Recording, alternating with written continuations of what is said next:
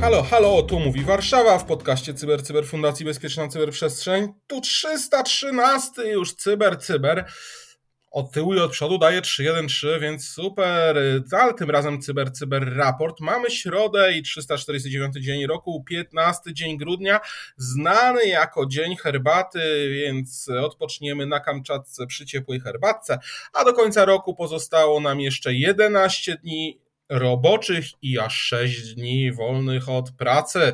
Także cieszmy się. Witam Was bardzo serdecznie, Cyprian Gutkowski. No i cóż tutaj dzisiaj dla Was wyselekcjonowałem. Ostatnio byłem wczoraj, więc za wiele się nie wydarzyło takiego, co wydało mi się istotne, ale parę rzeczy dla Was znalazłem.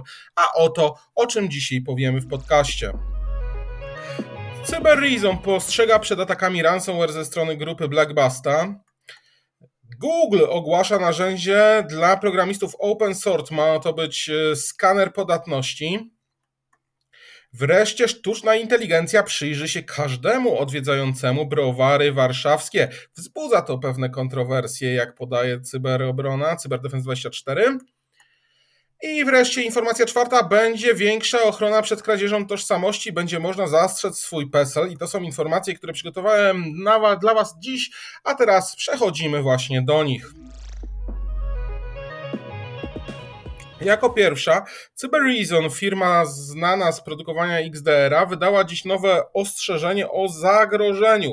Ostrzegają organizacje zarówno sektora publicznego, ale też i prywatnego o pojawieniu się Royal Ransomware Group oraz unikalnych te, taktyk, technik, procedur, które ta grupa stosuje w atakach, aby nie być wykrytą. Uważają, ostrzegają, że firmy powinny zachować wysoką czujność na ataki ransomware właśnie w okresie świątecznym i w weekendach ogólnie, bo wtedy najczęściej ta grupa działa. Grupa Royal Ransomware pojawiła się po raz pierwszy na początku tego roku. E, stała się mm, tak naprawdę przestępcą, który zaatakował dziesiątki firm na całym świecie. Wygląda na to, że grupa działa pod nadzorem innych dobrze znanych grup ransomware, w tym innymi grupy Conti, a więc Rosjanie. E, poziom zagrożenia ze strony ataków Royal jest wysoki, jak stwierdza CyberReason, a organizacje powinny podjąć kroki zapobiegawcze, aby właśnie uniknąć tego stania się ofiarą. I mm, dlaczego to jest takie też e, unikalne i ciężkie do wykrycia to działanie? Ze względu zachowania mechanizmów obronnych przed oprogramowaniem wykrywającym ransomware. Royal Ransomware rozszerza koncepcję częściowego szyfrowania, a co to oznacza? Oznacza to, że ma możliwość zaszyfrowania z góry określonej tylko części zawartości pliku i oparcia częściowego szyfrowania na elastycznym szyfrowaniu procentowym, co sprawia, że wykrycie jest dużo trudniejsze dla rozwiązań XDR na przykład, y, czy innego rodzaju rozwiązań, które mają chronić EDR y, przed ransomwarem. Mm, Royal Ransomware działa na całym świecie jako organizacja. Grupa wykorzystuje nie jako to jako usługę, ani nie atakują określonego sektora lub kraju, idą globalnie, kogo im się uda złapać, tego im się uda złapać i sam CyberReason ocenia poziom zagrożenia ze strony jako wysoki, biorąc pod uwagę w chwili obecnej bardzo szybki wzrost ataków, które pochodzą od tej grupy, zwłaszcza w ciągu ostatnich 60-90 dni. Mm, zwracają też na uwagę na to, że właśnie najczęściej mają one miejsce w weekend e, lub też właśnie w piątek czy w okresie świąt, gdzie kogoś nie ma w pracy i jakie Cyber Reason mówi, że jak można powstrzymać tak naprawdę jakie zalecenia wydaje, aby te ataki nie były skuteczne, przede wszystkim klasyczne, którą powtarzamy my zawsze, przestrzegać zasad higieny bezpieczeństwa, na przykład wprowadź program świadomości bezpieczeństwa dla pracowników, upewnij się, że systemy operacyjne i inne oprogramowanie są regularnie aktualizowane i łatane. No, klasyczne BHP, gdyby można było wszędzie byłoby idealnie, ale też nie wszystko, zawsze wszędzie można od razu łatać, ale to, co można, natychmiast powinno być łatane.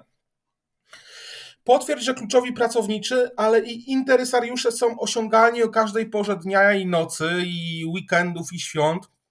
Krytyczne działania reagowania mogą zostać opóźnione, jeżeli ataki mają miejsce w czasie świąt i weekendów, więc przepraszam, każde wasze działanie tak naprawdę jeżeli nie macie do dyspozycji właściwych pracowników, może okazać się, że będzie nieskuteczne, dlatego powinno się zadbać o to, żeby były jakieś dyżury pełnione przez osoby odpowiedzialne, e, które będą mogły działać. Kolejną poradą jest przeprowadzanie okresowych ćwiczeń, aby włączać też w te ćwiczenia kluczowych interesariuszy, y, kluczowych pracowników i to ze wszystkich działów, nie tylko działu bezpieczeństwa, ale też działu prawnego, działu kadr, oczywiście IT, y, ale też kadry kierowniczej najwyższego szczebla, tak aby ona miała pojęcie, z czym mogą wiązać się takie ataki, czym one grożą e, i jakby zadziałali na przykład przy takiej grze sztabowej w sytuacji takiego ataku, bądź też jak my byśmy zwoływali pracowników, którzy do końca nie są dostępni, bo na przykład zostali zmobilizowani. Trzeba też wdrożyć, jak twierdzi CyberReason, jasne praktyki izolacji, czyli segmentację sieci, tak aby ona mm, była bezpieczna i całe, całe złośliwe oprogramowanie nie przenikało przez e, nasze sieci. E, trzeba też rozważyć według nich e, zablokowanie krytycznych kont, bo ścieżka, którą często podążają właśnie atakujący, ale to nie tylko z tej grupy, jest taka, że podnoszą sobie tak naprawdę uprawnienia do domeny administratora, a następnie właśnie wdrażają oprogramowanie już ransomware i mamy te złośliwe oprogramowanie, więc uważają z CyberReason ludzie, że powinno się tworzyć w Active Directory Wysoce zabezpieczone awaryjne konta, które są używane tylko wtedy, gdy inne konta operacyjne są tymczasowo wyłączone jako środek ostrożności lub niedostępne właśnie podczas e, ataku ransomware. E, to tyle, jeżeli chodzi o tę informację. Więcej oczywiście możecie przeczytać w linkach e, pod naszym podcastem. Gorąco zachęcam, tam znajdziecie źródła, z których czerpiemy swoje informacje oraz trochę więcej tych informacji niż my Wam podajemy w naszym szybkim e, podcaście. Informacja druga. Google ogłasza narzędzie Vulnerability Scanner dla programistów open source'a. I w tym tygodniu Google ogłosił OSV Scanner, czyli ma to być darmowy skaner, e, którego programiści open source mogą używać do uzyskiwania szczegółowych informacji o lukach w zabezpieczeniach, które są związane z projektami, które prowadzą. E, duża liczba zależności, na których opierają się te projekty oprogramowania, zwiększa ryzyko tak naprawdę stania się ofiarą e, ataku właśnie na łańcuch dostaw lub wykorzystania nieznanych luk w zabezpieczeniach, które powstają przy produkcji open source'a. I tutaj właśnie pracując nad poprawą bezpieczeństwa ekosystemu, pomagając społeczności w segregowaniu lub oprogramowaniu open source, Google uruchomił w zeszłym roku bazę danych lub zabezpieczeniach open source, a teraz zapewnia interfejs dla tej bazy danych w postaci właśnie OSV e, skaner. Mm, skanery ogólnie oczywiście, no jak każdy skaner ma na celu zautomatyzowanie procesu identyfikacji znanych przez siebie luk, e, dopasowuje kod i zależności po wstępnie skompilowanej listy oraz e, powiadamia programistów o ewentualnie zidentyfikowanych problemach, które odnalazł. OSV skaner generuje wiarygodne, wysokiej jakości informacje o lukach w zabezpieczeniach, które wypełniają lukę między listą pakietów dewelopera a informacjami w bazach danych o lukach w zabezpieczeniach, tak powiedziało Google. E, rzeczywiście mm, jest to dość ciekawe, ponieważ ta szeroka baza mm, danych, którą chce stworzyć Google, w zasadzie którą stworzyła OSV zawiera porady też z otwartych i wiarygodnych źródeł, e, też akceptuje sugestie ulepszeń e, od wszystkich użytkowników, czyli jest takim open też source'owym teoretycznie mm, no ciężko to nazwać open source, no ale jednak rozwiązaniem jednoznacznie też e, przekazuje informacje o zależnościach, których może dotyczyć problem. E, baza danych obsługuje 16 ekosystemów, w tym Linuxa, Debiana, Alpine, Androida, e, kernela, OSS FAS, zawiera łącznie ponad 38 tysięcy porad. Jest dostępna za pośrednictwem strony internetowej osv.dev. OSV Scanner właśnie najpierw identyfikuje te wszystkie zależności wykorzystywane w projekcie przez programistów, następnie łączy informacje z tą bazą danych, o której mówiliśmy, tą OSV Dev y, i później wyświetla już szczegółowe informacje y, o lukach w zabezpieczeniach, które pojawiły się w y, open source'owym rozwiązaniu, w tym, które jest projektowane przez danych programistów tak naprawdę e, Google planuje też zintegrować e, skaner z przepływami pracy programistów za pomocą samodzielnych działań. Ma być poprawa, e, poprawić też lukę, obsługę luk w zabezpieczeniach C, C++, dodać też unikalne funkcje, analiza różnego rodzaju wykresów i wywołań. Także dość ciekawe, myślę, rozwiązanie dla deweloperów. Ja deweloperem nie jestem, więc się nie znam, ale wiem, że osoby, które tworzą takie oprogramowanie, bardzo chętnie, zwłaszcza te współpracujące w bezpieczeństwie, one chętnie by z tego korzystały, mm, więc myślę, że jak koledzy sprawdzą, to można wrócić z informacją na temat tego skanera, bo to, bo to dość ciekawa informacja. Przechodzimy do informacji trzeciej. Jesteśmy na podwórku polskim, a dokładniej w Warszawie i sztuczna inteligencja przyjrzy się odwiedzającym browary warszawskie.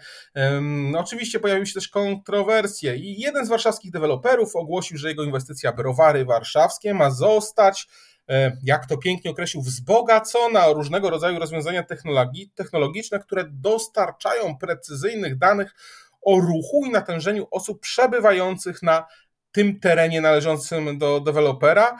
E, tak jak wspomniałem, projekt wzburzył, wzbudził kontrowersje. Developer Echo Investment swoją e, współpracą przy kompleksie browary warszawskiej pochwalił się we wpisie na serwisie LinkedIn. E, czytamy, że ma być on realizowany w współpracy Google Cloud i firmą Ionic opiewa na wdrożenie rozwiązań opartych o sztuczną inteligencję, a celem ma być gromadzenie danych, które pozwolą na obserwację preferencji klientów i udoskonalenie oferty, a dzięki czemu podjęcie odpowiednich strategicznych decyzji marketingowych. Ogłoszenie wzbudziło kontrowersje w związku z um, ochroną prywatności danych osobowych oraz prowokując um, tak naprawdę do wpisywania postów niechętnych e, i um, proszących o nieodwiedzanie danej inwestycji. Oczywiście firma stwierdza, nie chcesz być monitorowany, to nie wchodź. E, do końca Echo Investment nie wyjaśniło, w jaki sposób w ramach tego projektu gwarantowana ma być ochrona prywatności osób odwiedzających inwestycje, no ale rozumiem, że tak naprawdę wszyscy powinni zostać poinformowani o tym, że ich dane osobowe są przetwarzane. Klauzula informacyjna powinna w sposób wystarczający dosta zostać dostarczona, więc to nie może być regulamin, który gdzieś tam będzie ukryty. Bardzo ciekawa sytuacja, zobaczymy. Jedynie we wpisie na LinkedIn czytamy, że dla zapewnienia bezpieczeństwa obraz z kamer jest analizowany bezpośrednio przy kamerach i nie jest nigdzie zapisywany. Nie wiadomo jednak, czy kamery, które jak z kolei stwierdzono na stronie internetowej dewelopera mają być wyposażone w technologię computer vision, będą analizowały dane zagregowane, czy też będą mogły monitorować ruch indywidualnych osób poruszających się po terenie browarów warszawskich. To napisał właśnie Cyberdefense komentując tę sprawę.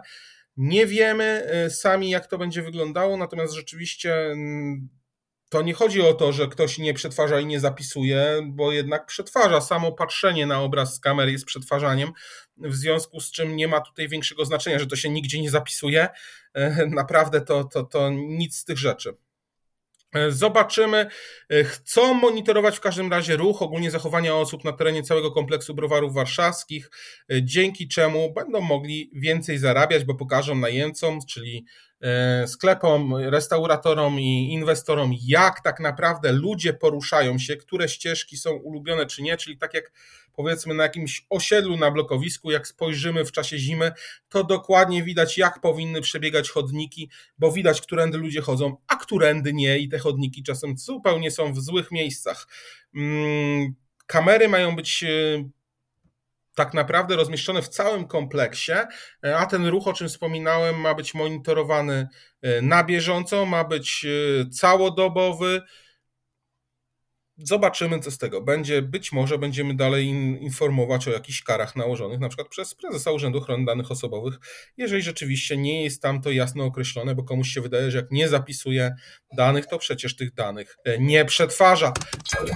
No i teraz informacja czwarta, mówiąca o tym, że będziemy mogli zastrzec swój dowód, a w zasadzie swój numer PESEL, a więc większa ochrona przed kradzieżą tożsamości.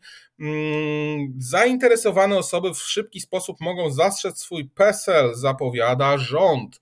E, oczywiście w związku z rosnącą skalą zgłoszeń dotyczących różnego rodzaju incydentów bezpieczeństwa danych, e, zwłaszcza w aplikacjach e, internetowych, ale też właśnie na portalach społecznościowych, ale chociażby też w wypożyczalniach czy różnego rodzaju miejscach, gdzie tacy osoby żądają dowodów zastaw. W aplikacji M-Obywatel ma zostać wprowadzona funkcja, która ochroni nas przed kradzieżą tożsamości. Mm, projekt ustawy o zmianie niektórych ustaw w związku z zapobieganiem kradzieży tożsamości, z którego treścią się zapoznało Cyberdefense i teraz zdaje nam z tego relację, zakłada możliwość zastrzeżenia numeru PESEL.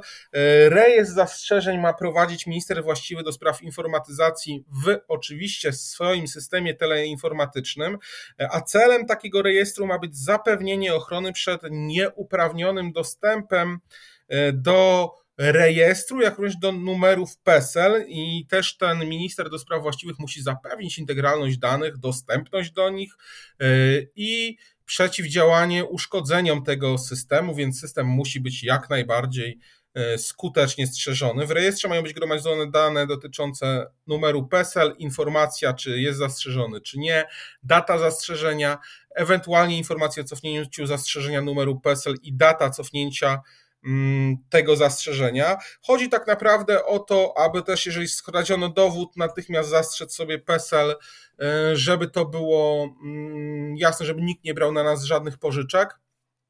Jest to, jest to dość częste i typowe. Rejestr zastrzeżeń ma być oczywiście dobrowolny.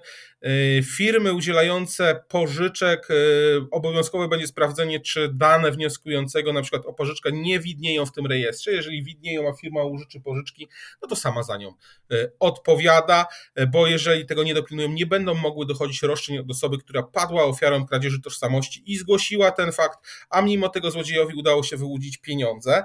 No, to jest dość dobra informacja. Mm, pytanie, jak szybko będzie można cofnąć tę zgodę, czy będzie się to działo działał automatycznie, e, czy też nie. Sam projekt ogólnie ma spowodować, że rzeczywiście tych przestępstw będzie e, mniej, ograniczy też straty wynikające z wyłudzeń. E, także bardzo ciekawy projekt. Ja tylko mam nadzieję, że rzeczywiście będzie to dość proste, żeby sobie zastrzec i z powrotem potem przywrócić możliwość korzystania z PESEL-u, bo jeżeli byśmy chcieli wziąć chociażby na raty, no nie wiem, monitor, o ja teraz potrzebuję monitora, więc e, jeżeli chciałbym sobie kupić taki monitor na raty, no to musiałbym w tym momencie sobie znów zadziałać, po pierwsze, żeby zastrzec, a potem, żeby ewentualnie wziąć pożyczkę, to z tego zastrzeżenia zrezygnować. To wszystko, co przygotowałem na dziś. Z Wami był dzisiaj Cyprian Gutkowski. Do usłyszenia jutro e, i potem już coraz bliżej święta, więc słuchajcie, wchodzimy w ten gorący okres, gdzie trzeba dużo pracować w domu, a niekoniecznie słuchać podcastów. My jednak zapraszamy, bądźcie z nami, e, z naszym Cyber Cyber, mm, jak najbardziej przez cały czas. Do usłyszenia, pozdrawiam Was bardzo serdecznie.